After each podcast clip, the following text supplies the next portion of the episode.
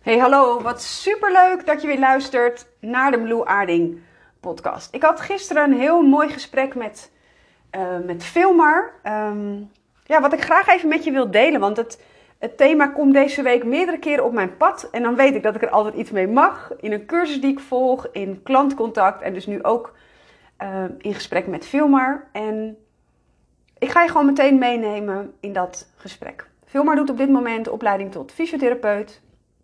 Zijn eerste jaar is, um, heeft binnenkort een aantal uh, examens. En we hadden het erover nou, hoe dat voor hem voelde. En hij heeft heel lang het gevoel gehad dat hij niet zo makkelijk kan leren. Dat hij wat langere tijd nodig heeft. Hij is ook dyslectisch.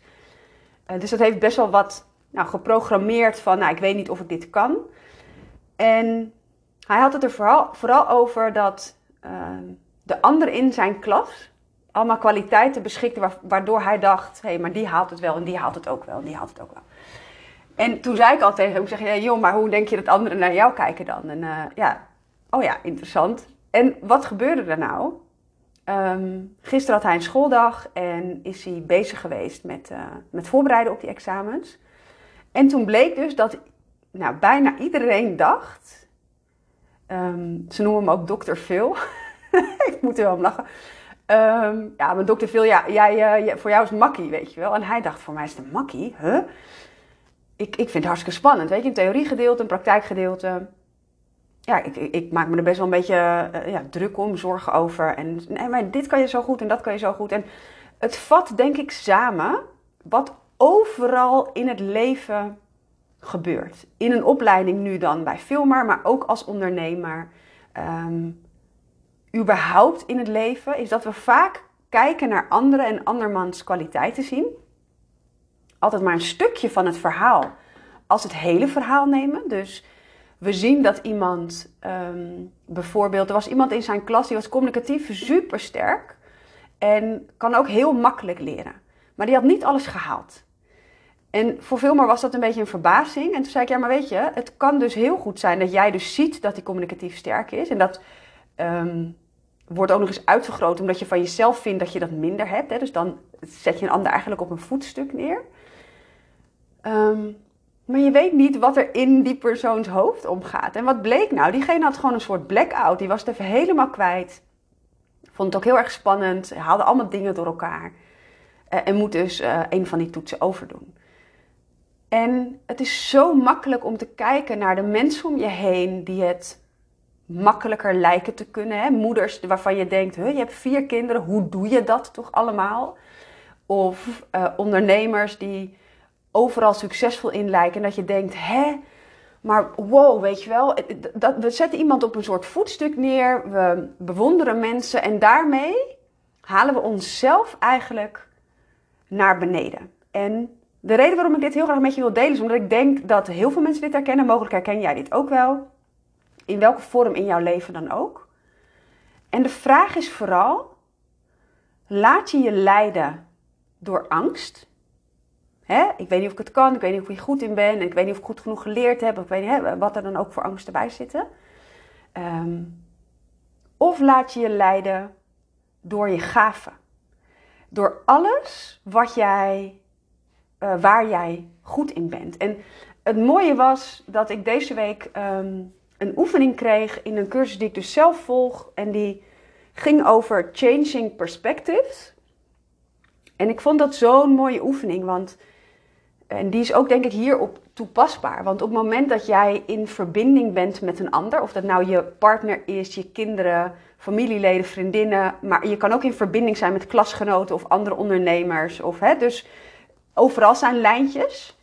Als je in verbinding bent met de ander, um, is het maar net vanuit welk punt jij dingen bekijkt. Hè? Dus we zetten mensen op een voetstuk, want we denken, jeetje, die kan dat gewoon. Ja, maar die is er echt heel goed in. Ik krijg wel eens te horen, ja, maar jij doet dat zo goed, dat zichtbaar zijn op social media. En zo moeiteloos. Nou, het voelt ook moeiteloos, maar dat is echt niet altijd zo geweest.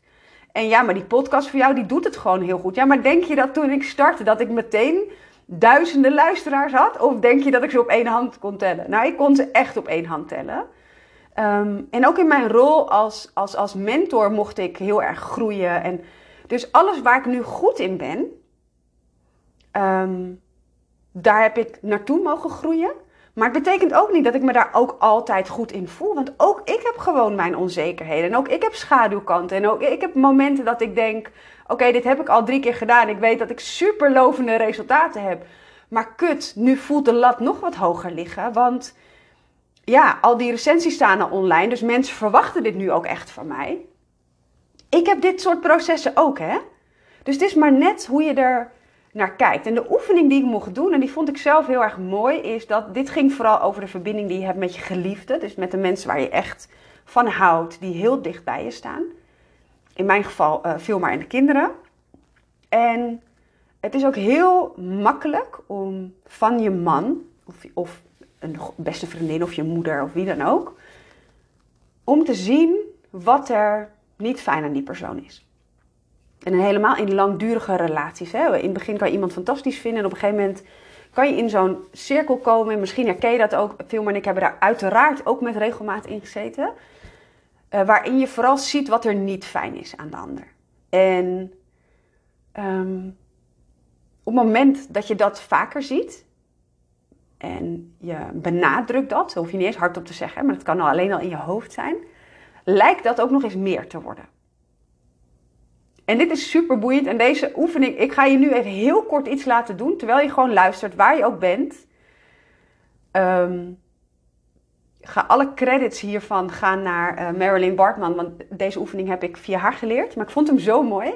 Als jij nu om je heen kijkt, hè, waar je ook bent, of je nou in huis bent of buiten, uh, of in de auto zelfs, kan je kijken naar alles wat groen is om je heen. Als je nu gewoon om je heen kijkt, zie jij, kan jij zien wat er eigenlijk allemaal groen is. En vaak betekent dat dat je denkt, oh ja, dat is groen, oh dat ook, dat ook. Dus kijk maar naar alles wat er groen is. En vervolgens richt je je blik weer op waar die net in eerste instantie op was. Dus waar je ook bent, recht voor je in de auto, um, naar weet ik van waar je naar kijkt, in huis. Als ik jou nu vraag, wat om, om jou heen was er allemaal rood? Dan zie je dat waarschijnlijk niet. Dan kan je dat niet meteen opnoemen, want je hebt er niet naar gekeken. Maar als ik je nu weer laat kijken naar alles wat er rood is om je heen, dan kan je het vaak wel zien. En ik geef nu deze twee kleuren als voorbeeld, maar dat kan natuurlijk iedere kleur zijn. Punt is dat wat je aandacht geeft, dat zie je. En dat betekent dus in een relatie tot een ander, op het moment dat jij vooral ziet wat er niet fijn is, vermindert dat de kwaliteit van de verbinding die je met die persoon hebt. En als jij je kwaliteit van leven wil vergroten en de verbinding die jij met mensen hebt wil Ehm, verdiepen, is het dus belangrijk dat jij je constant bewust maakt van de dingen die er mooi zijn. En dit gaat dus over in, in relatie tot bijvoorbeeld Filmar in mijn geval. Maar dit mag je dus ook van jezelf doen. Want op het moment dat jij een toets moet maken en vooral op je flaws gaat zitten, op de dingen waar je minder goed in bent, wordt dat groter. Terwijl als je gaat denken, hé, hey, oké, misschien hè, zijn je flaws wel dat je inderdaad communicatief niet zo sterk bent. Of dat je, nou, bijvoorbeeld in Filmars geval dyslectisch bent, dus wat, wat meer tijd nodig hebt om dingen te lezen. Dat zijn dan je flaws. Maar wat zijn je gaven? Waar ben jij goed in? En in Filmars geval is dat bijvoorbeeld, hij heeft een super fijne energie, kan heel veel dingen aanvoelen. Letterlijk in energie aanvoelen, maar ook fysiek. Als fysiotherapeut moet je natuurlijk heel veel voelen. Ehm, en hij, hij heeft een hele fijne benadering, waardoor mensen zich heel erg op hun, op, hun, uh, op hun gemak voelen. Is heel goed in welke spier waar zit, hoe dat allemaal. Gaat mijn pet echt volledig te boven. Uh, ondanks mijn medische opleiding, ik heb heel veel geleerd, maar ik heb ook alles weer uh, ongeveer losgelaten. Um, dus waar focus jij je op? Focus je je op je krachten? Of focus je je op de dingen die um, die minder fijn aan, jou zien, eh, eh, eh, fijn aan jou zijn. En dat is vaak gedreven door angst. De angst dat je het niet kan omdat. Of de angst dat het je niet gaat lukken omdat. Of de angst, want ik ben daar nog niet zo goed in. Ehm, maar vergroot alsjeblieft, maak die groene kleur, waar je net waarschijnlijk, hè, dat doe ik even de aanname, best veel van kon zien. Zorg dat jij meer gaat zien van je gaves. En ik denk dat dit een mega belangrijk onderdeel is in je leven.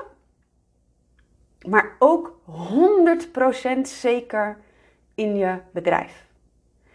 Want op het moment dat jij niet weet waar je krachten zijn, of, of wat jouw goud is, of wat jou heel erg uniek maakt, hè, wat jouw ehm, je zone of genius is, je, eigenlijk de zone waarin jij het best functioneert, maar die het moeiteloos afgaat, maar ook waar je het allerbest in bent. En het meest interessante is dat je je zone of genius vaak zelf niet ziet. Dus dat is ook, hè, we, hebben, onze eigen blinde vlekken, maar we zien dus ook niet altijd onze eigen gaves. Op het moment dat je dat allemaal niet ziet, is het veel moeilijker om rechtop te blijven staan, om in vertrouwen te blijven, om jezelf te motiveren, om weer op te staan nadat je gevallen bent. Ehm, of gewoon te denken, uh, of überhaupt te groeien. Of gewoon te denken, dit kan ik, zeg maar. En dit is ook een van de dingen die ontzettend belangrijk zijn in, uh, de, of laat ik het zo zeggen, een rode draad is in het licht ondernemen traject wat ik aanbied. Wat we heel erg gaan doen is stilstaan bij, uh, en we maken dat niet alleen, ik zal mijn zin even afmaken. Dit is Marlou als ze enthousiast is, dat ik mijn zinnen niet afrond. Um, we gaan dit doen niet alleen door gewoon op te noemen waar je goed in bent. Hè. Ik, een van mijn kwaliteiten is zeker om te zien waar jouw goud ligt en wat jou zo uniek maakt. Eh, want als jij virtual assistant bent, ja, er zijn er honderden, duizenden van. Maar waarom gaan mensen naar jou? Dat mag je voor jezelf helder hebben, maar niet alleen uh, op papier of hè, gewoon dat benoemen. Het mag echt geïntegreerd worden. En we doen dat ook door echt een krachtmap te maken. Door uh, die dingen juist te verzamelen. Dus je zone of genius, je goud, alles waar jij zo goed en uniek in bent. En dat doen we door middel van een mega toffe oefening. Uh, waarmee je dat helder krijgt. En het toffe is, dit kun je meenemen in alles wat jij doet. In salesgesprekken die je voert. In um, marketing die je, die, je, um, die je constant door je bedrijf heen laat stromen. Maar ook vooral in de energie waar vandaan jij vertrekt. Dus als jij voelt, weet je, Marlou, oh, ik, ik kan daar zeker meer stevigheid in gebruiken. In het vertrouwen in mezelf, in het vertrouwen in mijn bedrijf, in het vertrouwen wat ik hier te doen heb, in het vertrouwen dat ik goed ben in wat ik doe. En dat niet één keer wil voelen, maar dat eigenlijk wil verankeren en als een soort hele stevige fundering mee wil nemen uh, in de rest van jouw bedrijf. Kijk dan zeker even of het licht ondernemen traject voor jou passend is. Want dit is een van de dingen waar we mega mee aan de slag gaan. Ik wil namelijk ook dat op de momenten dat jij het even kwijt bent, en wat heel normaal is, want dat hebben we allemaal, dat je er alsnog bij kan. Dat je alsnog kunt voelen, oh ja, oh ja, oh natuurlijk, dit kan ik, dit maakt mij uniek, dit is waarom mensen bij mij komen. En het allerleukste is dat het vaak iets is waar je niet heel hard je best voor hoeft te doen. Maar je moet het wel weten. Dus voel het even voor jezelf. Als jij denkt, Marlou, tell me more. Klik dan even op de link onder deze podcast in de show notes. Of ga naar www.marlouaarding.nl slash lichtondernemen. Um, je kunt je opgeven voor de interesselijst of aanmelden voor matchcall, afhankelijk van wanneer je de, uh, de website bezoekt. Ik wil je in ieder geval bedanken voor het luisteren en als laatste als reminder meegeven of eigenlijk als vraag meegeven. Waar laat jij je door leiden? Door angst of door jouw gaves? Neem me mee. Tot in de volgende podcast. Bye!